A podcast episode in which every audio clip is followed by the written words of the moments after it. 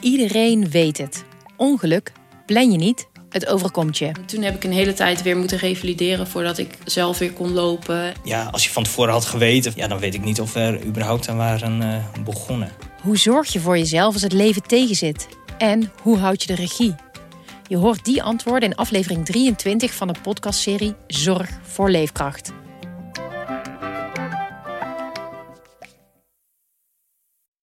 Kijk, het gesprek begon ogenschijnlijk over het onrecht dat mensen wordt aangedaan als er zo'n vernietigende recensie wordt geschreven. En wat dat met mensen doet. Daar leek het gesprek over te gaan.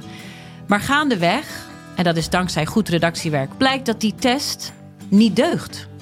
Eva Jinek vertelt in Gonzo over het verhaal achter een van de spannendste gesprekken aan haar talkshowtafel. Via polymo.nl slash gonzo luister je de eerste 30 dagen gratis. polymo.nl slash gonzo. Dit is Man met de microfoon.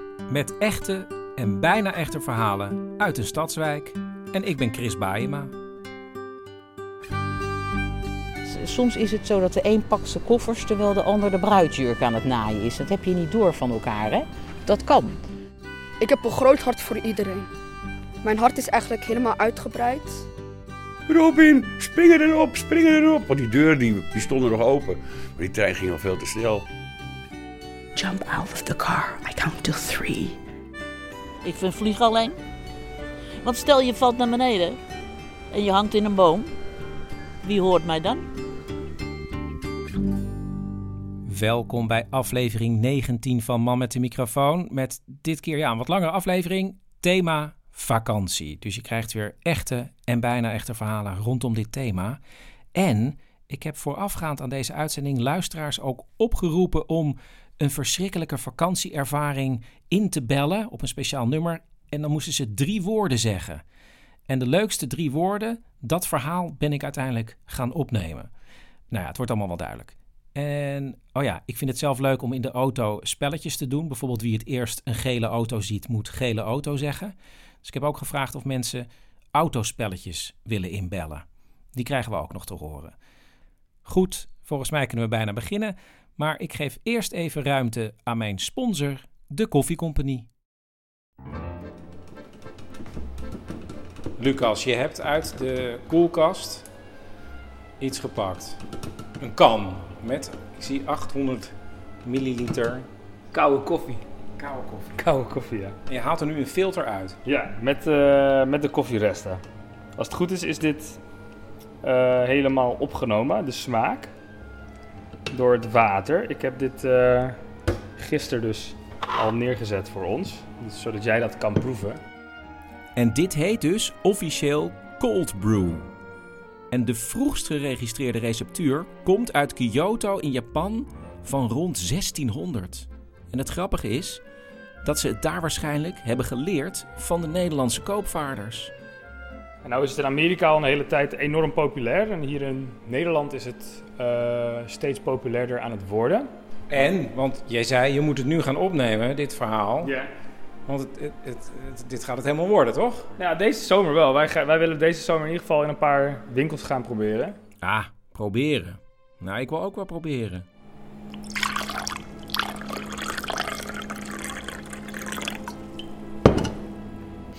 Het ruikt naar koffie. Het ziet ook even zwart uit als koffie. Ietsje lichter. Iets lichter, zegt hij. Oh. Ja, dit is anders, maar het is koffie. Gek, hè? Het is heel lekker, ja. Ja, het is echt een meer. Het is heel veel zomerse. Echt een soort frisdrank wordt het. Dus even onthouden: cold brew. Man met de microfoon wordt mede mogelijk gemaakt door Koffie Company. De lekkerste koffie in de buurt en bij je thuis.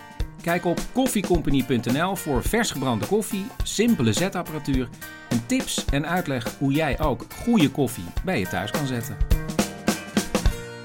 Ja, en zoals ik al zei, dit is de laatste aflevering van dit seizoen. En Man met de microfoon kan worden gemaakt dankzij sponsoring. En ik wil na de zomer, vanaf oktober ongeveer, weer door met dit programma. Dus Werk je nou bij een bedrijf, een groot bedrijf waarvan je denkt: hé, hey, maar dat past eigenlijk heel goed bij man met de microfoon. En wij willen ook zulke verhalen als hij maakt voor de koffiecompagnie?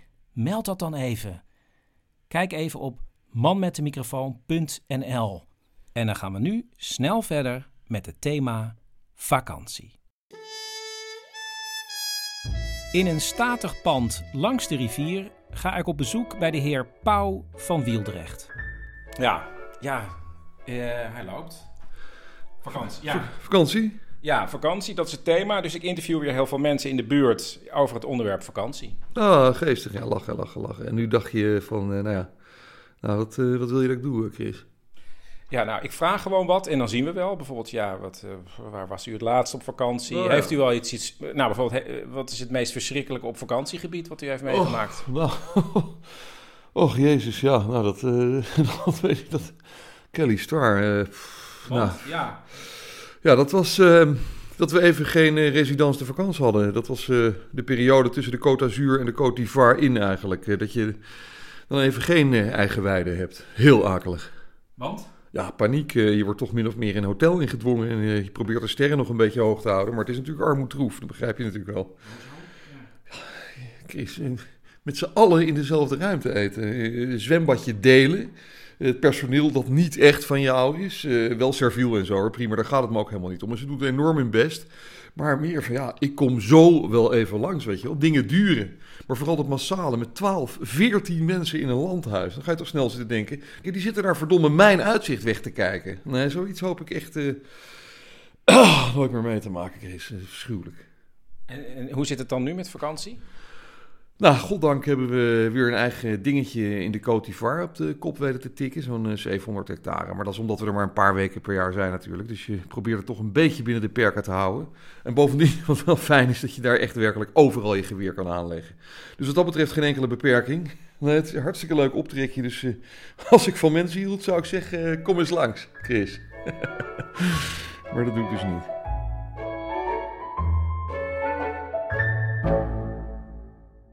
Ik vraag aan Javoes van de onderdelenwinkel hoe zijn zomers er als kind uitzagen. Ja, dat kun je echt geen vakantie noemen. Het is uh, eerder een familiebezoek dan een vakantie. Want vakantie, onder vakantie begrijpen we dan ga je naar een kuuroord of naar een uh, hotel en een strand. Maar dit was echt een familiebezoek. Dus je ging naar familie. In dit geval mijn vaders zus, die woonde in Adana, zo'n 600, 700 kilometer vandaan waar we woonden. En als de families bij elkaar waren, kreeg je eerst het bekende voorstelrondje. Plichtgetrouw, dan ga je gewoon handkussen. Welkom, salam alaikum, alaikum salam. Hoe is het met je? Dat is eeuwenlange. Hoe gaat het met je? Gaat goed. En dan met je zus en met je die. En hoe gaat het met school? Dat, zo'n kennismakingsceremonie, dat kan een uh, half uurtje duren. En dan was er altijd een moment dat ze op zoek waren naar de wat mensenschuwe jongere broer van Javus. Ja, en dan vroegen ze wel, ja, waar is Özgür dan? Ja, Özgür, waar, waar, waar is die dan? Ja, misschien die tuin. Maar ja, die ging in de tuin kijken. Hij was al lang pleiten. Hij was gewoon voetzie, weg. Het feit dat ze slechts op familiebezoek gingen, betekende niet dat het minder exotisch was. Ik vergeet nooit, dus voor het eerst maakte ik mee dat ze dat daar, ze dronken thee met melk. En met ontbijt, hè. En dat is bijzonders. Want heel apart. Ineens denk je, hé, hey, dit is een andere, dit is een andere land, man.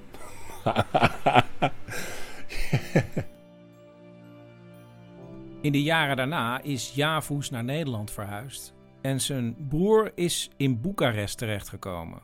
En ze hebben elkaar al zes jaar lang niet gesproken of gezien als dit verhaal begint. Dit uh, vertel ik één keer en vergeet je nou nooit. Dus uh, met een vriend, vriendin, wij stapten hier in de auto. Met de bedoeling, wij gaan naar Turkije gaan met mijn oude diesel uit 2005. Maar ja, die had een goed onderhoud. En op een gegeven moment zeg ik: uh, Ja, nu we, nu we met deze auto op vakantie gaan, dan wil ik ook even langs mijn broer gaan. Dus wij reden helemaal naar Boekarest toe. Wij kwamen aan na drie nachten. En ik heb geen telefoonnummer. Ik heb geen adres. Ik weet niet waar hij woont, ik weet niet waar hij werkt. Het enige wat ik weet dat hij in Boekarest woont. De enige die hem ooit ontmoet heeft in Boekarest is een oom van Javus. En die zegt... Weet je wat? Als je naar Roemenië gaat, uh, Boekarest gaat, dan moet je dus naar, naar sector 2 gaan. Boekarest, een stad van 2 miljoen inwoners, is verdeeld in zes sectoren en die oom dacht dat hij hem in sector 2 ontmoet had. En omdat de broer van Javus een goede kok is, werkt hij waarschijnlijk in een Turks restaurant. En dat is alles wat Javus weet. Oh ja, wat ik moet ook vertellen. Het is Ramadan. Het is Ramadan. En 27e nacht van de Ramadan is een heilige nacht. Ze komen laat in Boekarest aan, rijden naar sector 2 en gaan tanken bij een benzinestation. En als ze aan het tanken zijn, kijkt Javus om zich heen. Ik ben op zoek, zo een beetje donker, naar een uh, restaurant. Ik zie zo met, als ik mijn ogen een beetje dichtknijp, ik zie in die hoek iets gebeuren. Iets fel licht. Daar zitten twee jongens voor op het terras. Krakkemikkig uh, restaurantje. Ja, je kan het zien dat het geen vijf sterren restaurant is. Echt, het moet een grillrestaurant zijn, Turks à la Turks. Dus ik, dus ik zeg, dat kan toch niet waar zijn? Dus op een gegeven moment, ik zeg tegen mijn vriendin, blijf even hier. Ik loop, ik loop zo naar het restaurant toe. En guess what? Nou, mijn broer, die zit voor het restaurant op het terras, op een stoel, te roken. Dus ik kwam aan, ik zeg, hé hey, broertje. Maar niet dat ik hem zie dat hij in gezonde toestand is, eerder in verwondering van hoe is dit mogelijk? Hoe is het mogelijk? Alsof, alsof een uh, goddelijke navigatie ons heeft er naartoe, ertoe geleid. Ik zeg, hé hey, broertje. En weet je wat hij doet? Oh, hij stond hier op. Welkom. Ik zeg, hoe gaat het met je? Ja, gaat goed. En uh, toen, uh, we hebben één nacht geslapen. Toen volgende dag kwamen we terug. Was hij vrij of weet ik veel wat. Ik zei, broer, nu ben je getrouwd bent, ik wil ook graag je gezin zien. En je hebt ook een kind, wil ik dat ook graag zien. Want dan kan ik, als ik terug ga naar Turkije, dan heb ik een gesprekstof, weet je wel. nou, dat was hij gewoon aardig genoeg om dat, om dat te doen. Dus we gingen naar de vrouw. En samen hadden ze een kind, Dennis genaamd. Mooie jongen, prachtig, prachtig, prachtig om te zien. Nou, dat, dat is dus de, de onderweg uh, naar Turkije. Dus iedereen vraagt natuurlijk, als je dan van Europa komt, dan vragen ze, ja, hoe gaat het met je, hoe gaat het met je kinderen? En hoe gaat het met je broer? Want die woont ook in Europa. Uh, maar ineens kon ik wel vertellen, ja, Özgür heb ik gezien. Die woont daar, is getrouwd.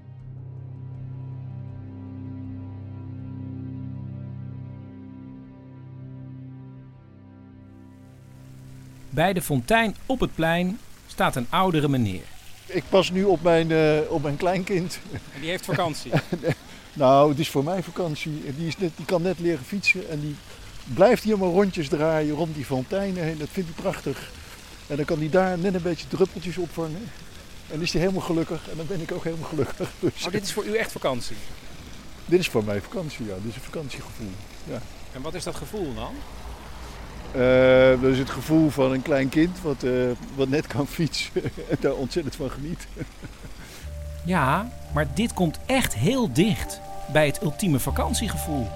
Ik kan me nog herinneren dat ik voor het eerst kon fietsen. Dus dat je recht overeind bleef. Uh, en dat je vader die zijwieltjes eraf haalde. en, en dat je dan een geweldig gevoel van vrijheid hebt op de een of andere manier. Dat kan ik me herinneren.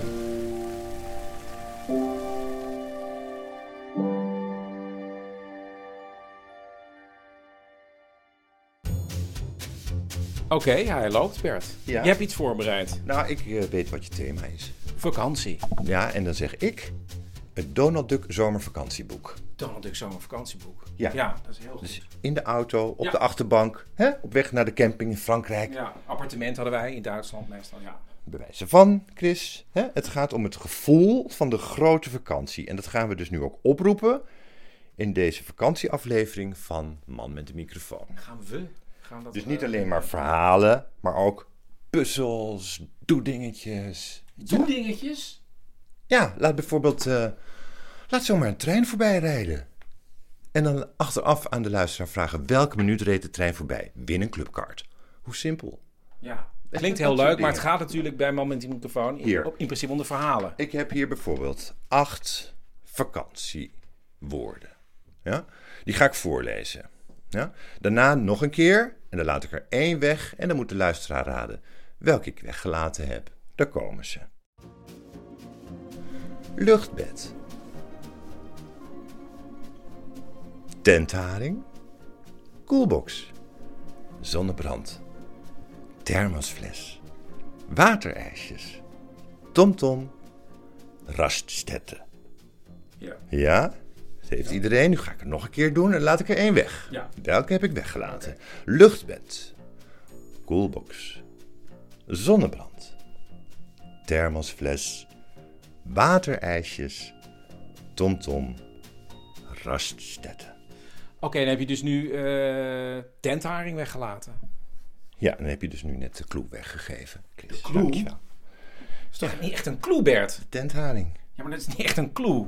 Ja, nee, maar nu, nu weten ze het toch, van die tentharing kan ik dus nu... Ik dacht dat het een voorbeeld was. Ja, nu kan ik dus nieuw, acht nieuwe vakantiewoorden gaan verzamelen. Geen, Ja, je kan nog een keer diezelfde woorden en dan laat je een ander woord weg. Je gaat toch ook niet twee keer hetzelfde verhaal laten horen, Chris? Ja, maar dat is toch iets heel anders? Nee. Weet je wat, zet het gewoon even on hold. En dan heb ik nog iets voor je winkeltje. Voor mijn winkeltje. Ja, Chris, want met clubcards en t-shirts deze zomer kom je er niet alleen. Je moet nu iets doen. Je moet nu toeslaan. Oké. Oh, ja, wacht even. Dan, volgens, dan knippen we het even in tweeën. In tweeën. Dan komen we later in de uitzending terug. Maar ik ben er nu, toch? Nee, ja, in de montage. Gaan we er nu uit, komen we later in, in de uitzending weer terug. Oké, ja, goed. Nou, ik ben er nu. Eh, komt helemaal goed.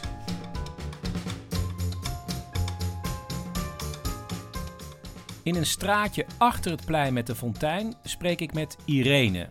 Zij is een gemeenschappelijk buurttuintje aan het onderhouden, maar maakt even tijd vrij om een vakantieervaring met mij te delen. De ergste vakantie, denk ik, die ik heb meegemaakt, is toen mijn toenmalige vriendin. Die ging toen eh, er vandoor met de vriendin van mijn eh, zus. Ik was bij mijn zus en zwager op vakantie. En ik had al heel lang een relatie. En die, die relatie werd toen verliefd op die vriendin van mijn zus. En dat was het einde van de relatie. Oh, dit is een beetje ingewikkeld, maar let op. Irene had een vriendin, dat is duidelijk. En zij gingen op vakantie met haar zus en haar gezin. Dus die zus had een man en kinderen. Maar wie ging er nou ook mee? De buurvrouw van de zus. En ze gingen allemaal naar Spanje. En daar zaten wij in een soort oude boerderij. En nou ja, dat gebeurt wel eens, hè. Je drinkt wijntjes, het is gezellig en klaar. Ja, dit ging wel heel snel. Dus, maar toen Ja, zo snel ging het ook eigenlijk. dus jouw vriendin dat kan, dat, verliefd op de buurvrouw van... ja, ja, die was dus ook mee en daar, die, die kregen dus wat. Maar hoe... eh, Ik vind het sowieso... De buurvrouw gaat ook mee, al een heel raar idee. Ja, daar ga ik niet te veel over zeggen. dat heb je wel goed gezien. Dat had ik achteraf misschien ook moeten doen. Maar ja, goed, je bent gewoon met buren. Dat doe je toch wel eens. Dat je dan mensen meeneemt. Zo zijn wij dus opgevoed, zo socialistisch ook. Maar het waren ook vrienden van elkaar. Ik kwam natuurlijk later wel achter andere dingen, maar dat, dat wist buurvrouw ging maar wat graag mee Ja, dat denk ik wel. Ja. Dus Ja. opeens vond je de buurvrouw zoenend met jouw vriendin. Nou, die lag eigenlijk, begon die in mijn bed te proberen te komen. En dat lukte er ook. En op een gegeven moment zei ik, nou ga dan maar in dat bed van haar liggen. Dan merk ik het niet zo. Ja, en ik wist eigenlijk wel, dit is... Ik denk dat ik wel voelde, dit is het begin van het einde. Dus toen reden zij in haar auto, reden zij steeds voor ons, terug naar huis. En dat was letterlijk, ik zag echt mijn toekomst weg. Weet je, dat je in mijn... Maar ja, ik ben een beetje van de verbeelding. Dus in mijn toekomst, ik zag echt zo dat we hebben echt verschillende wegen. Daar rijdt de toekomst weg mij en daar rij ik in mijn eentje achter bij mijn zuster in. En, eh, zo, heel veel, ik had heel veel zelfmedelijden. Maar... terecht. Nou ja, terecht. Dingen, dat, je moet toch met de dingen omgaan in het leven. Hè? De dingen gebeuren zoals ze gebeuren. Soms is het zo dat de een pakt zijn koffers terwijl de ander de bruidjurk aan het naaien is. Dat heb je niet door van elkaar, hè? Dat kan.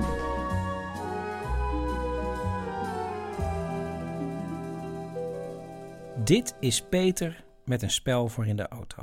Ik eh, bel voor gezelschapsspelletjes eh, in de auto. Ehm, wat wij altijd doen met onze kinderen is een eh, variant op de gele auto. Iedereen maakt een lijstje met tien dingen die die moet tegenkomen. Dus een windmolen, een paard, een koe, een benzinestation, een witte camper, weet ik veel wat. En dan heb je dus een half uur of een uur de tijd om al die dingen af te vinken en aan te wijzen. En eh, dat eh, is een hele leuke variant die wat langer duurt. Hij is op weg van school naar huis. Ahmed, 11 jaar. En dit jaar gaat hij, zoals gewoonlijk, op vakantie naar. Ik ga op vakantie naar Marokko. Dan gaan we lekker zwemmen bij stranden. En, eh, gaan we, en dan gaan we ook lekker barbecuen. En we gaan ook andere dingen doen. Maar sommige dingen blijven geheim voor mij. Want? Ik, eh, ik weet niet. Maar ze zeggen zo dat ze een soort van verrassing voor mij hebben. Maar ik wil heel graag weten wat het is. Wat gaan ze dan voor jou doen, denk je? Ik denk dat ze me dan. eh, mijn droom is eigenlijk als ik naar Marokko ga, dat ik dan eigenlijk een soort van een groot budget aan armen kan geven. Want dat is eigenlijk het meeste wat ik wil doen. Van ongeveer 100 euro eigenlijk. Maar jij weet dus ook, ik ga nu op vakantie en ze hebben al gezegd dat er een verrassing is. En jij denkt dat zou wel eens dat biljet kunnen zijn. Dat zal het biljet kunnen zijn. Hebben ze daar al een beetje op gehint of iets laten merken? Ze hebben daar wel een beetje laten merken, maar ze hebben niks gehint. Maar wat hebben ze dan gezegd? Eh, ze zeggen het is iets groots, maar ook duur. Het zou een groot biljet kunnen zijn. En het is ook heel duur. 100 euro. Ja, dat zeggen ze. Wat gaat er met je gebeuren als, als ze opeens zeggen: hé, hey, Ahmed, hier heb je die 100 euro? Dan zal ik echt heel blij zeg ik tegen mijn moeder. In de nacht gaan we meteen naar de stad. Dan gaan we meteen geld doneren. En wie ga je dat dan doneren? Wat hoop je dat er met dat geld gebeurt? Ik hoop, eh, ik zou het gewoon eigenlijk geven, want ik heb ooit een man gezien die eigenlijk geen armen had. En ik hoopte dat hij eigenlijk een soort van die robotische armen kreeg, zodat hij weer normaal, zodat hij zi- zich kon voelen net als een normaal mens. Dat hoop ik eigenlijk. Maar ik ga het eigenlijk verdelen in, in eh, ik ga het eigenlijk verdelen die 100 euro, zoals 25, 25, 25, 25. Maar zoiets als robotische armen, als jouw geld daar ook een beetje aan zou kunnen bijdragen, dat zou mooi zijn. Dat zou echt heel mooi zijn. Want ik zou ook een beetje van mijn spaargeld erbij doen en zo. Dat is echt een hele grote droom. En later, als je groot bent, dan zit er ook wel iets. Dan ga je waarschijnlijk ook iets goeds doen voor de mensen. Lijkt me. Dat zou ik sowieso doen. Ik heb een groot hart voor iedereen. Mijn hart is eigenlijk helemaal uitgebreid. Ik zeg nooit, bijna nooit nee tegen andere mensen, behalve als ze dingen van me willen stelen. Maar, maar ik zeg nooit nee tegen andere mensen die arm zijn, bijvoorbeeld. Dat ik nooit nee zeggen. Als ik bijvoorbeeld een man zag helemaal zonder water en zo, zou ik meteen naar de winkel gaan, geef ik het gewoon aan hem. En, een klein en ik zal hem bijvoorbeeld twee, drie croissantjes geven als ik geld tenminste over heb. En je legt nu ook al geld opzij dus voor goede doelen. Helemaal. Ik zal, als, als zal ik zelfs een cheque van 1 miljoen vinden, ik zal het niet alleen maar voor mezelf houden, maar ik zal de helft ook verdelen aan de arme mensen. Je moet ook een beetje aan jezelf denken. En wat wil je later worden? Tot slot, wat ga je later worden als beroep? Ehm, tot slot zal ik volgens mij animator worden. Maar ik zal ook eigenlijk ik zal ook werken bij bijvoorbeeld Giro 555 bijvoorbeeld. Dat zou eigenlijk ook iets voor mij kunnen zijn. Misschien kan je Giro 555 animaties gaan maken. Giro 555 animaties. Gaan maken? Gaan maken, dat is echt slim.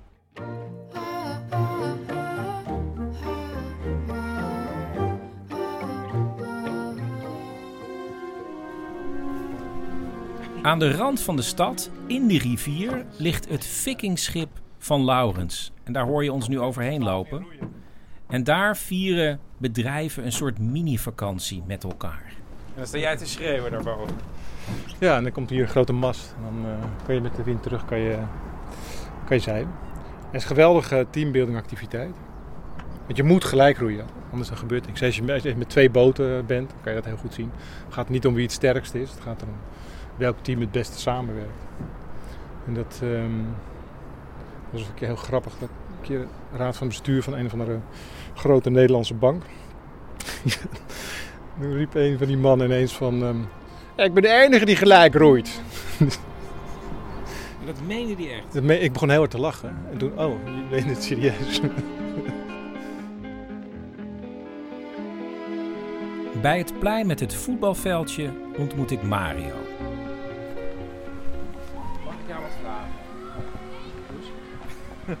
ik ben de man met de microfoon van deze Ja. oranje bus. Oké. En ik rijd door Oost op zoek naar verhalen. Ja. En ik ben nu bezig met het thema vakantie. Oké. Waar ging... eh, eh, we komen, nu gaan de vragen komen. Ja.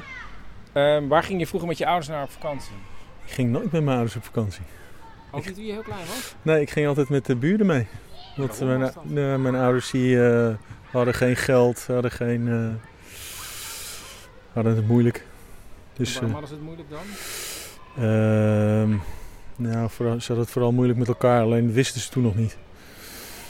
Dus eh, eh, ja, wat deden ze? Ze besteden ons uit, zoveel mogelijk. Om ons toch nog een beetje een leuke vakantie te geven, zeg maar. En eh, mijn- buren, die, dat waren mijn tweede ouders. Daar kon ik het heel goed mee vinden. En waar ging je... Want je had nog broers en zussen dan? Ik had een jonger broertje, maar die heeft helemaal niet veel vakantie gezien, uiteindelijk. Want die was te jong om te worden uitbesteed. Ja, die paste niet in ons groepje, zeg maar. Daar was hij echt inderdaad te jong voor. Dat was een, eh, ja, er zat zeven jaar tussen. En die bleef dan wel nog bij je ouders? Ja. ja. Wat deden die ouders? Werkten die? eh, Eh, ja, nou, mijn moeder had altijd allerlei bijbaantjes en mijn vader was van eh 12 ambachten 13 ongelukken. En bleek na zijn dood ook gokverslaafd te zijn geweest. Dus ja, dan wil het wel, hè, dat je niet op vakantie kan. Dat bleek Ja. pas na zijn... eh, Ja, nou ja, de- mijn moeder vermoedde wel het een en ander, maar eh, het kwam pas uit nadat zijn broer eh, er een, eh, het een en ander over vertelde. Dus er was nooit geld voor vakantie? Er was nooit geld voor vakantie, nee.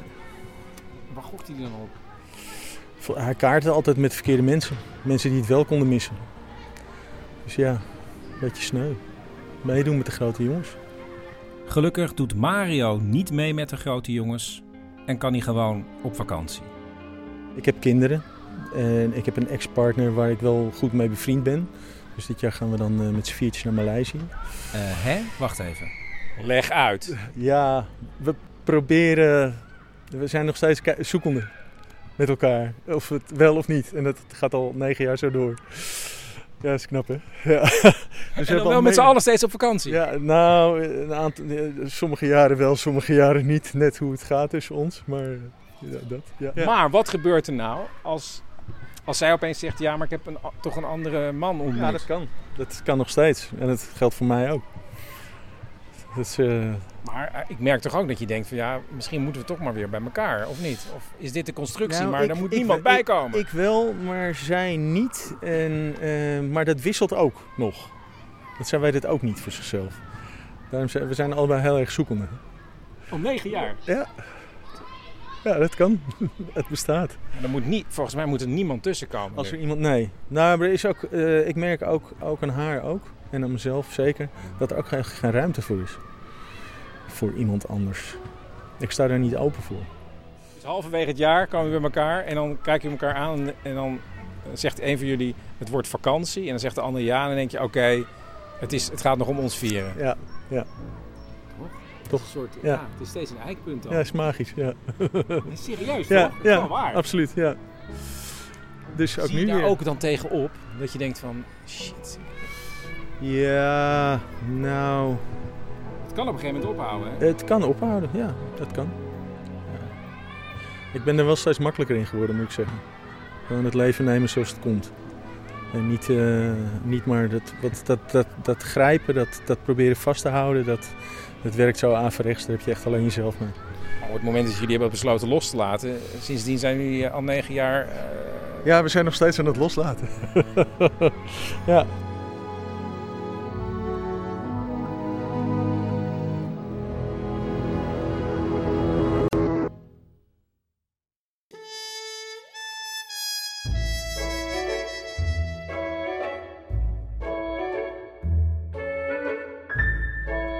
Hallo, dit is Hans en ik bel vanwege het spel in de auto op weg eh, naar vakantie. Eh, wacht even, nu moet ik het even goed zeggen. Ehm, het, is dus, het gaat als volgt. Eh, het is dus met historische figuren uit de wereldgeschiedenis. En dat je moet raden wie dat dan is. En het gaat altijd, nou ja, om, om- om- omdat je dan bijvoorbeeld in de auto zit achter Adolf Eichmann of zo. Weet je? Sorry. Eh, Maar goed, het gaat als volgt. Eh, je kiest iemand. Of nee, er wordt met een dobbels... Nee, nee wacht even. Wacht ik, ik kom er zo op. Eh, eh, maar we hebben een keer... Maar, ik blijf aan de telefoon. Eh, we hebben een keer gehad dat wij dachten dat het de landbouwminister Fons van der Stee was. Maar het was dus die Nederlandse tennister die toen zover kwam op Wimbledon. Eh, hoe heet ze ook weer? Op gras. Eh, God, ik kom er zo. Eh, maar goed, het was dus hilarisch. Rastlet de Huukster, daar, zijn we toen eh, moeten stoppen, want het ging gewoon niet meer. Ik ben even, even aan de telefoon, maar ik, kom er zo aan. Ehm, goed, Loes was een keer, ja, Loes was, een keer dik paschier. Maar goed, de regels. Mag ik iets zachter, man?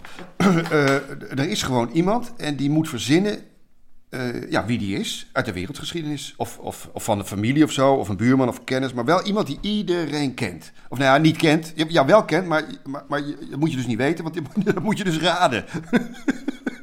en iedereen mag alleen maar met ja of nee vragen. Eh, nee, iedereen mag alleen maar antwoorden met ja of nee. Op vragen dus die alleen maar met ja of nee... eh, eh, ja, wacht, wacht even. Wacht even. Ja, ja, ja, maar, god, dan ben ik het helemaal kwijt, man. Waren we net op tijd, weet je nog? Ik wil niet zo gehaast. Omdat jij me afleidt, man. Godverdomme, dat spel. Dat we toen, naar- toen we naar München gingen. Toen papa Adolf Eichmann was. Ehm, God. Het is een voicemail, mama. Het wordt allemaal opgenomen. Nou. Mag ik het even afmaken? Even kort dan, hè? En echt even heel kort.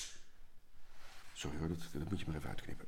Goed, daar ben ik weer. Eh, de regels. Eh, mama, iemand is bijvoorbeeld eh, Adolf Eichmann en, en, en die mag dan geen ja of nee zeggen. Nee, dat is een ander spel, Hans. Hij moet juist wel ja en nee Sorry, zeggen. je haalt me er helemaal uit. Jezus. Iedereen moet raden wie hij of zij is. En diegene mag alleen met ja en nee Nou, voor mij is de lol dus helemaal af zo op deze manier. Het is ongelooflijk hoe jij het altijd weer weet te hè, zeg jij het? Mama, mama, zeg jij het dan maar. Het is eh, maar een spelletje. Maar zeg dan, zeg dan, hè, je het zo goed niet weet. allemaal zo leuk. Hè? Met jou, met je fanatisme altijd bij die spelletjes.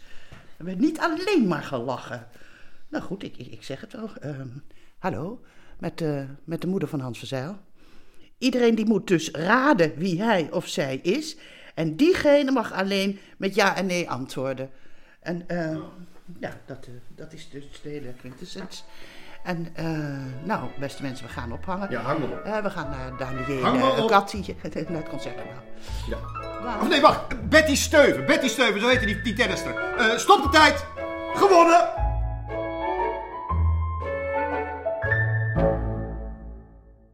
Jannie zit aan een tafeltje voor haar café, groet heel veel mensen die voorbij komen.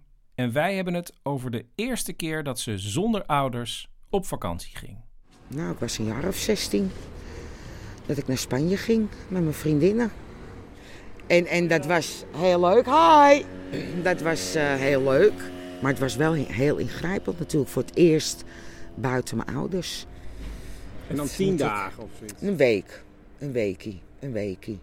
Ja, langer niet. En het was voor mij al lang genoeg op die leeftijd. Ja. Ik had het, nou ja, ik heb het heel leuk gehad. Maar ik, ik had wel heimwee. Wat omschrijft het gevoel van heimwee is? Eh, ja, toch eh, huilen en me, me ziek voelen. En ja, dat. Het jaar erop wouden ze weer gaan. En eh, toen heb ik het niet gedaan. Toen heb ik het niet gedaan. Ook nu ze met haar man op vakantie gaat, jaren later, heeft ze er nog steeds last van. Wij gaan op vakantie en eh, dag 10, dag 11, dan weet mijn man het al. Dan eh, ben ik van de leg en dan loop ik de hele dag te huilen en dan mis ik mijn kinderen en mijn kleinkind.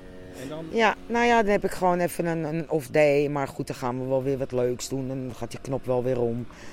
En eh, komt het wel goed. Maar toch, het, het, het zit er toch. ja. En ook de eerste keer dat mijn dochter op schoolreisje ging. Ja, ik ben, ik ben een mispunt. Ik, ik, eh, dan gaat die bus weg na en dan loop ik te brullen. Dan loop ik te brullen, gaat mijn kind gewoon alleen met schoolreisje. Ja, ja, heel erg. Ja, heel erg. Ja. Brullen? Echt brullen, ja. Echt brullen, ja. Ik, eh, ik ben iemand van de heimwee. Ik ben een familie eh, kloek. Ja, ja. En het is heel fijn. Het is ook fijn. Ik ben ook blij dat ik dat kan voelen. Want als je dat niet voelt, is het denk ik ook niet goed. Dus uh, nee, ja, heerlijk. Ik ben echt een oude wetsie, denk ik.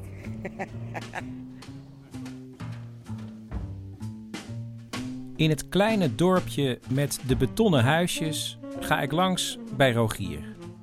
Mijn allerleukste vakantie was de eerste vakantie zonder mijn ouders. In de jaren 70, tienertour. Dat was zo geweldig. Samen met mijn vriendje André Broersen. Nou, bij hoge uitzondering 14 jaar. Tienertour. Geloof ik 25 gulden. We gingen eerst naar Maastricht, vanuit Castricum. Toen gingen we naar Groningen. Toen gingen we van Groningen naar Middelburg. En toen gingen we weer naar Enschede. En we zaten de hele dag in de trein. En dan kreeg je van die bonnetjes van de NS. En dan kon je voor uh, 1 gulden 25 een, uh, dat heette dan een strammer max. Zo'n broodje ei. Dat was het enige wat te fraten. En we zaten de hele dag maar in de trein. En we vonden het echt geweldig, want we waren zonder ouders. En daar ging het eigenlijk om. Vakantie is echt vakantie als het zonder ouders is. We werden ook ontvangen op het station Kastrik door mijn moeder alsof we helden waren. Mijn moeder moest ook huilen. Jaren later ging Rogier met een andere vriend weer op treinvakantie. Maar nu gingen ze. Op Interrail. Toen was ik al wat ouder, was ik een jaar of uh, 18. Interrail. Nou, wij, uh, we gingen naar Athene toe. Maar uh, bij de grens tussen Macedonië en voormalig Joegoslavië moest de trein zou anderhalf uur stoppen. En grenscontrole, paspoortcontrole. En toen ging mijn vriend Robin, die zou eventjes nog wat broodjes halen bij de stationsrestauratie. En het was half elf s'avonds. Dus hij in zijn korte broek op teenslippers en alleen een t-shirtje aan met wat, wat geld naar die restauratie lopen. Ging de trein rijden. En hij rent achter de trein aan, weet je wel. De trein ging gewoon door. Stond hij daar. Ik weet nog dat ik vreselijk moest huilen. Robin, spring erop, spring erop. Want die deuren die, die stonden nog open. Maar die trein ging al veel te snel.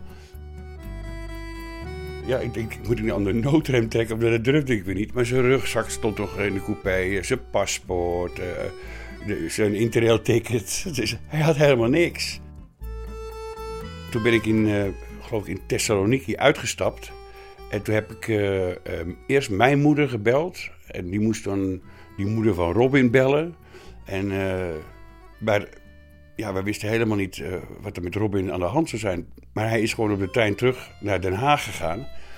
En uh, in, in zijn korte broek en zijn t-shirtje en zijn teenslippertjes.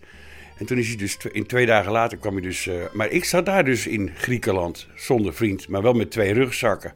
Want we zouden naar Istanbul gaan en dan uh, via de boot naar, naar Italië. En dan, hey, wacht, hadden duizenden plannen. En ik had ook nog zijn camera, had een hele grote aluminium koffer met drie camera's erin. Want, ja, we zaten allemaal op de kunstacademie, maar dat is, dus ik moest alles sjouwen.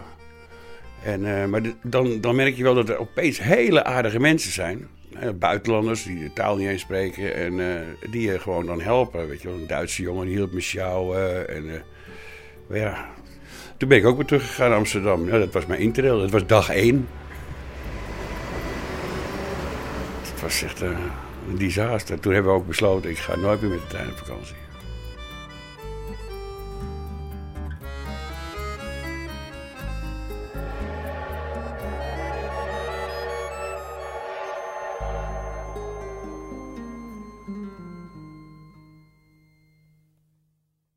Voor de snackbar op het plein zit Betty met haar man. En Betty heeft last van reizenfieber. Nou ja, je kan een vliegtuig missen. Je, ze kunnen overboekt zijn. Uh, er kan misschien een noodlanding gebeuren. Nee, we gaan de laatste paar jaar op een boot. Maar dan moet ik dus zo'n cruise, hè? Maar dan moet ik eerst naar die cruiseboot. En dan moet je je hut zoeken. En dan moet je met een lift naar de etage waar je hut is. En dan verdwaal ik, want ik heb geen oriëntatie. Dan stap ik op drie ogen uit de lift. En dan moet ik naar vijf en dan moet je overstappen naar een andere lift. Ja, is echt waar hoor. En dan kom je daar in die gang en die lijkt precies op die andere gang. En dan uh, nou, allemaal een ramp. En dan kom ik binnen in die hut en dan is er maar één bed opgemaakt. Ook niet zo erg, want die andere, dat, dat doen ze nog. Want dan kan je zitten op die bank daar, hè. Dat snap ik ook wel. Ja, nou ja, dat gaat dan zomaar door, hè. Schiphol is het allerergste. Dat vind ik doodeng. Ik vind vliegen alleen. Want stel je valt naar beneden en je hangt in een boom. Wie hoort mij dan? Het klinkt misschien gek, maar het is een reële angstdroom van Betty. Het vliegtuig stort neer en zij hangt in een boom. Ja, andere mensen liggen half dood op de grond. Ik nooit. Ik hang in een boom, meestal. Nou, dan hang ik dan te wachten tot iemand me eruit haalt, want ik heb hoogtevrees. Ik durf niet alleen naar beneden. Nou ja, ja, nou ja, dat is nog nooit gebeurd. Dus ik ben elke keer, uh, heb ik die boom misgelopen dan, hè, natuurlijk. Nou ja, zoiets. Vroeger mocht je nog een sigaretje roken, toen rookte ik. Dat hielp nog wel een beetje. Totdat ik met een vriendin naar Londen ging. En toen kregen we een, uh, ook zo'n luchtzak. En toen moesten we met ons hoofd tussen ons knieën helemaal zo zitten. Maar we waren aan het eten. Dus zij zegt, eet nou door, want straks krijg je niet meer. Want ik zag me al in die boom hangen en dan heb ik geen eten. Nou, het is allemaal goed afgelopen. En die, die, die, die man, die piloot, die uh, riep om dat alles goed was gegaan. En dat we van hun een extra drankje kregen. En hij zet een leuk uh, muziekje op. En wat denk je dat die draait, die gek? I Believe in Angels. En daar was ik nou juist zo bang voor.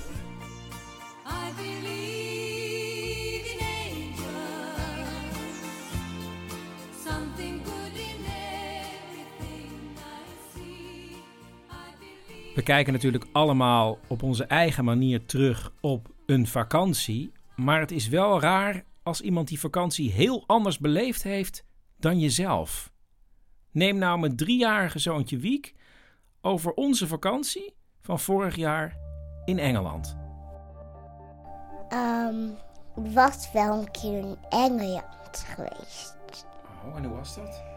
Fijn, maar er waren ook draken. En die heb ik verslagen. Want het ging je bijna mijn moeder opeten. En ik telkens een draak verslagen die mijn moeder ging eten. Dat is gebeurd op vakantie? Ja. Wat een spannende vakantie dan? Ja, dat was eigenlijk ook wel een beetje enge vakantie. En het was een enge vakantie omdat het in Engeland was? Ja.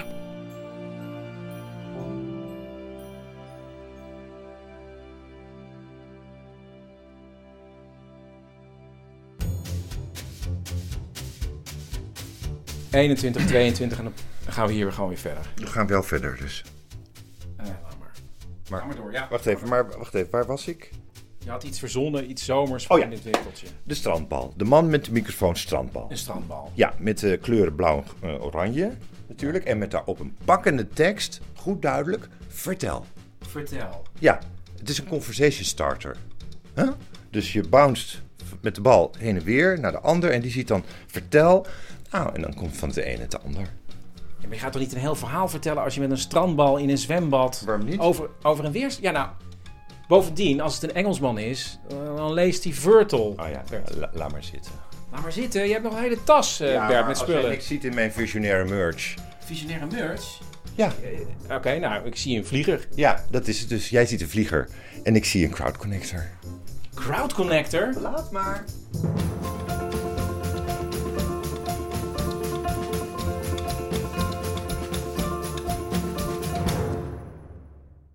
En dan is het nu tijd voor de luisteraars die hebben gebeld met drie woorden over een verschrikkelijke vakantie. En dan ga ik er dan één uitkiezen om helemaal te vertellen. Dit waren een paar reacties. Mijn drie woorden zijn ehm, Alpen, file en Belgen. Gedwongen regenzeilen. Bromvlieg in neus. En dit zijn allemaal reacties van mensen waarvan ik denk, ja, die hebben het verhaal inmiddels verwerkt. Maar er kwam ook iemand langs waarvan ik dacht, dit is misschien te vers. Boyfriend, no good. En nou was ik niet zo heel streng met drie of vier, vijf woorden, maar dit waren er wel veel meer dan drie. Ja, motorpech vlak voor een brug met een zeilboot. Luizen.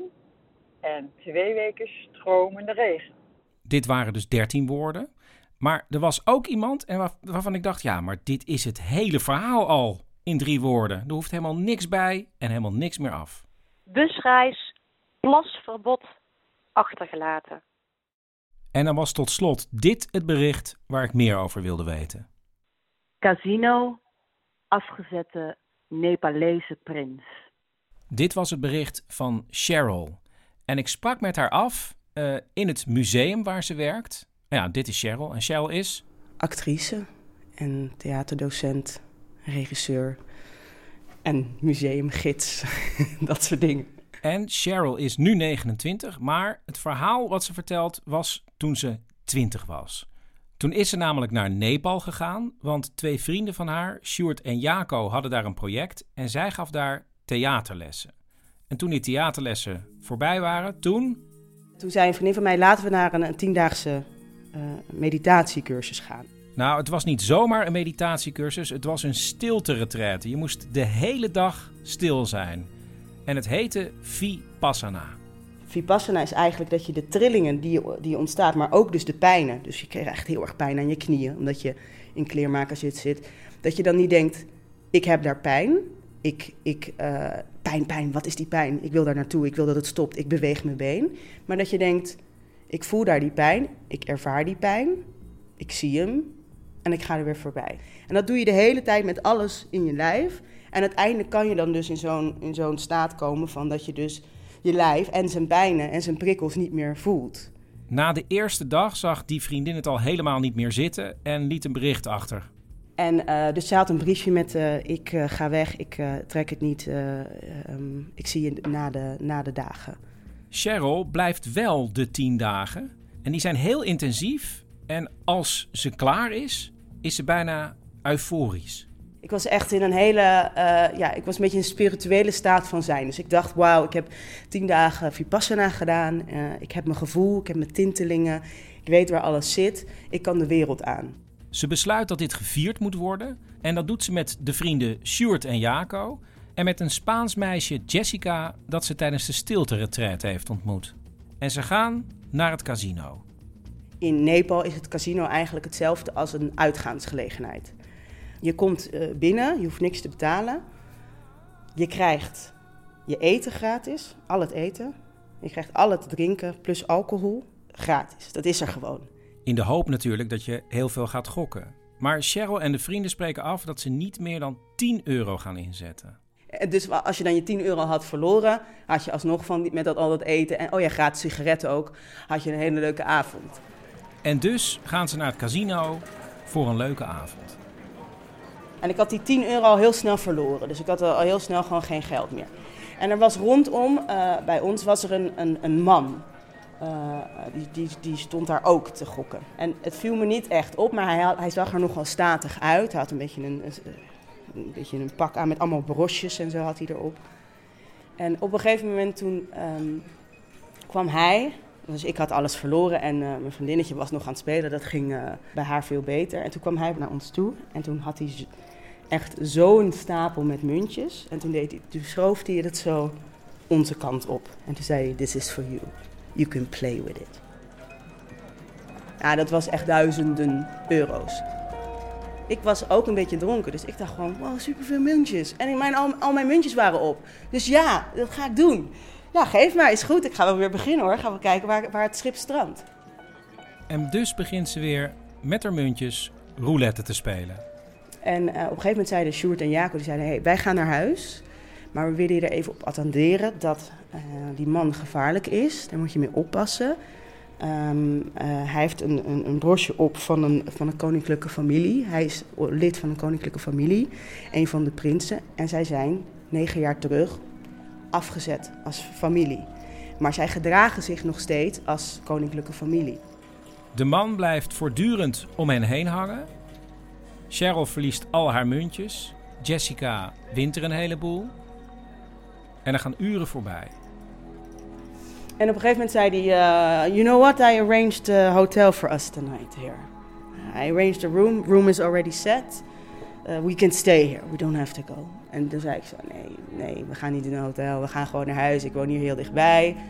Cheryl en Jessica gaan naar buiten. Ze zoeken een taxi Die kunnen ze niet zo snel vinden. En dan zegt de man: Ik breng jullie wel. Dus ik zei meteen, want mijn adres was Lazipad Saraswati Tempel. Dus ik zei heel duidelijk, dat wist ik nog wel, I have to go to Lazipad Saraswati Tempel. En toen zei hij, no, no, no, no, no, no, no, it's okay, no, no, no, it's okay. En ik bleef het herhalen en ik dacht van oké, ik moet nu rustig blijven. Toen ging ik er weer naar die soort vipassana-achtig van oké, ik moet nu rustig blijven. Mijn gevoel ervaren, dit is wat ik nu voel. Ik voel me, ik ben nu eigenlijk heel verdrietig, want we gaan niet de goede kant op en ik weet niet wat ik moet doen. En ik, ik bleef dat woord herhalen. Op een gegeven moment zei hij, shut up! En toen dacht ik, nou, dit is, dit is ik, ik weet niet hoe, wat, ik, wat ik moet doen. En ik was, begon eigenlijk in paniek te raken, omdat ik dacht, ik zit hier verkeerd. Hij heeft natuurlijk hele andere ideeën bij wat er gaat gebeuren. En achteraf hoorde ik van Jessica dat zij dus bang was dat hij de deuren op slot zou doen. Dus zij zei de hele tijd tegen mij, "Sst, stil nou, stil nou. De auto rijdt de stad uit. En dan buigt Jessica zich naar het rechteroor van Cheryl. Jump out of the car. Jump out of the car. En ik hoorde haar steeds niet. Ik, was, ik, ik hoorde het wel, maar ik dacht, ik was me alleen maar met, met, met mijn eigen paniek bezig. En ze wil die paniek met een vipassana manier oplossen. Oh, ik wil niet huilen, want ik wil dat gevoel en ik wil dit gevoel dat het er is en dat ik er dan voorbij kan gaan. En da- daar was ik ook mee bezig. Maar steeds is daar de stem van Jessica. En op een gegeven moment hoorde ik die, steeds die zin dat zij dat zo herhaalde. En toen keek ik naar rechts en zei ze nog één keer: Jump out of the car. I count to three. And I go that side and you go that side. En toen, toen zei ik: Oké. En toen deed ze gewoon: One, two, three. En toen zijn we allebei aan beide kanten uit die auto gesprongen.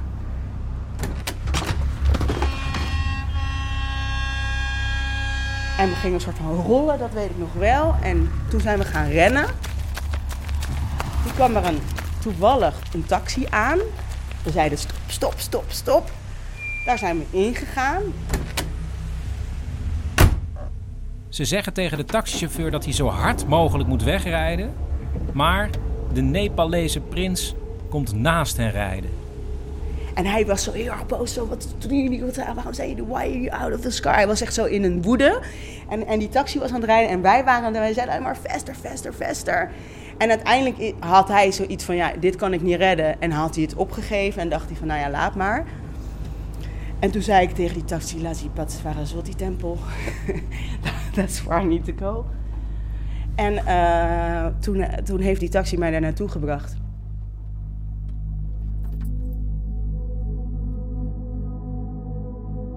Ja, het was gewoon, het was dus natuurlijk, ik ben eigenlijk door het oog van de naald gegaan. Want zij hadden gewoon ook die, die koninklijke familie staat bekend als zij hebben gewoon wapens in hun bezit. Hij had me net zo goed eh, gewoon door de kop kunnen schieten of dat meisje.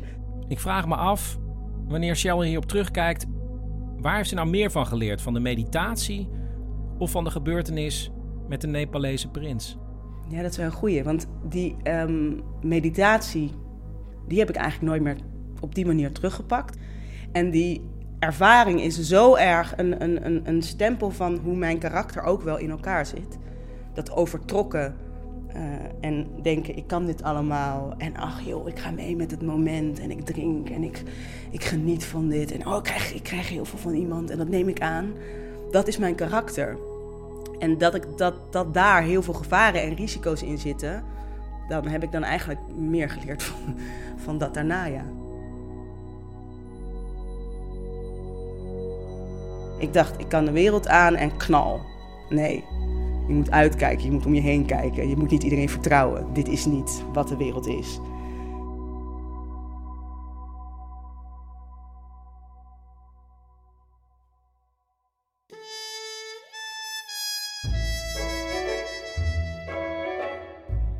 Hallo?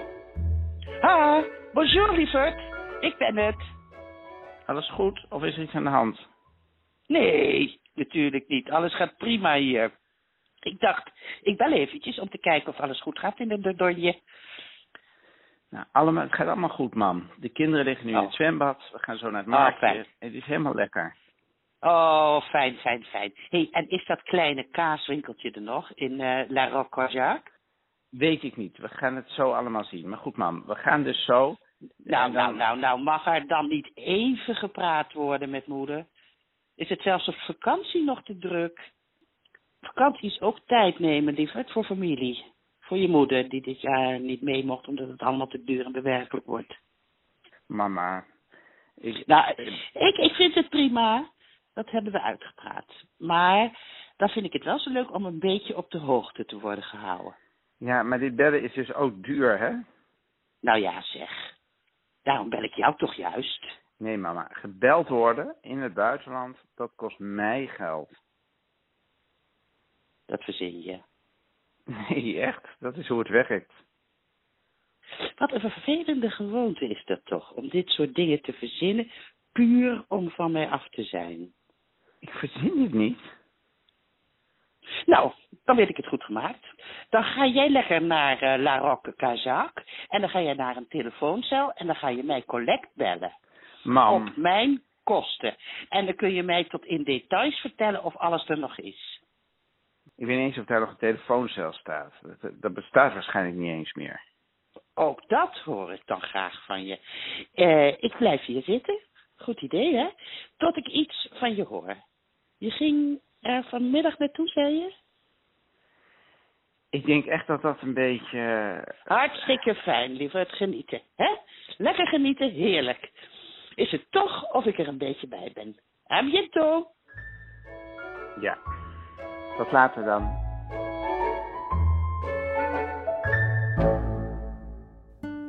Dit was aflevering 19 van Man met de microfoon. Meegewerkt hebben Paulien Cornelissen, Diederik Ebbingen, Cecile Heuyer, Bert Kommerij, Micha Wertheim en Leopold Witte. Man met de microfoon wordt mede mogelijk gemaakt door Koffie Company, het Amsterdamse Fonds voor de Kunst en het Stadsdeel Oost. Eh, ja, na de zomer hoop ik weer terug te zijn. Ik denk misschien ja, eind oktober zoiets. Eh, zeg het tegen alle vrienden, kennissen, mensen in de supermarkt. Stoot je gewoon aan. Hey, ken je een podcast, Man met de microfoon? Of koop een clubkaart, een t-shirt. Of word met je hele grote bedrijf sponsor van Man met de microfoon. Het kan allemaal. Oh ja, blijf ook nog even luisteren, want er komt nu zometeen ook nog iets achteraan. Ik even dat zachter voelen? Ja, haal maar over de microfoon. Zullen we zeggen dat dit het was? Ja. Zeg maar dag lieve luisteraars. Dat lieve luisteraars. Fijne vakantie. Fijne vakantie.